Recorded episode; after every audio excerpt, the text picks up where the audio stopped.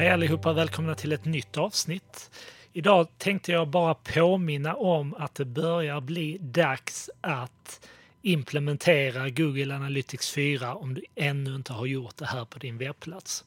Så är det så att du använder Google Analytics och du har installerat det på din webbplats innan hösten 2020 så är det med stor sannolikhet så att du använder så kallat gamla Analytics, Universal Analytics, som Google kommer att lägga ner nästa sommar och Google, eller förlåt, Universal Analytics kommer då ersättas med Google Analytics 4. Och det man vill göra nu det är att implementera Google Analytics 4 så tidigt som möjligt eftersom du kommer inte att kunna flytta över den historiska data som finns i Universal Analytics till Google Analytics 4.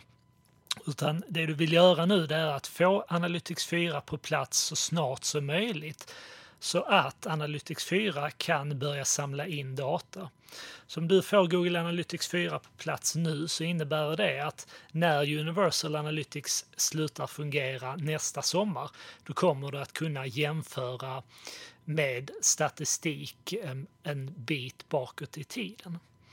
Det finns lite andra saker nu att eh, tänka på också om ni implementerar nya Analytics 4 som jag rekommenderar att ni ska göra. Och det är dels att ni måste implementera de eventuella mål som ni idag använder i Universal Analytics. Jag kommer, med, jag kommer lägga med en länk i anslutning till det här avsnittet där du kan gå in och läsa mer om hur du gör för att åstadkomma det. Det du också vill göra eh, och gärna då eh, redan nu kanske eller om du gör det i samband med att Eh, Eh, Universal Analytics läggs ner, det är att exportera din historiska data från nuvarande Google Analytics som du använder. Jag kommer även eh, i anslutning till det här avsnittet att lägga med en länk där du kan eh, se steg för steg hur du exporterar din data från Universal Analytics. Jag kommer även lägga med en länk där du kan hålla dig uppdaterad kring just Google Analytics Eh, genom Googles officiella blogg.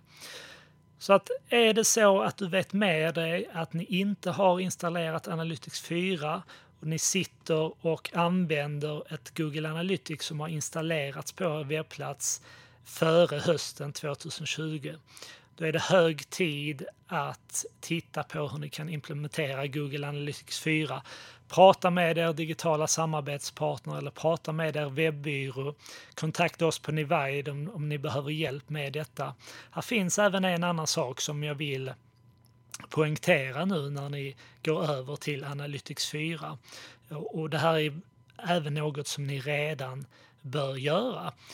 Det är att Analytics ska inte aktiveras förrän användaren har gett sitt godkännande.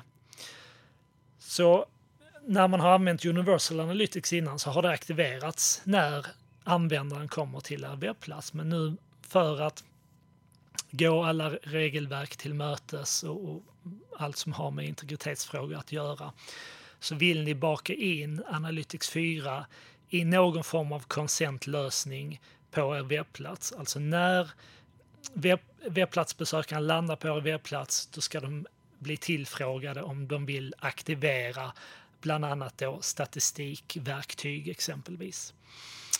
Eh, det finns ju verktyg eh, som man kan eh, köpa in som hanterar det. Cookieboot är ett sådant verktyg som man då kan prenumerera på som hanterar allt kring den typen av hantering som skannar av er webbplats och sedan kan ni då kategorisera de cookies som använder på er, eh, på er webbplats för att just säkerställa att exempelvis Google Analytics inte aktiveras förrän ni har, användaren har gett godkännande eller att eh, pixlar som Facebook pixeln eller LinkedIns insight tag inte aktiveras förrän användaren har gett sitt godkännande.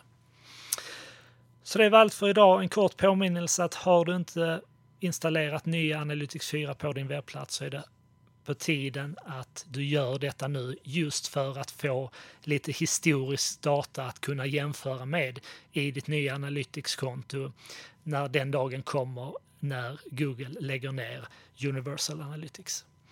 Så med det sagt så önskar jag dig lycka till och så hörs vi igen i ett nytt avsnitt om en vecka. Ha det bra!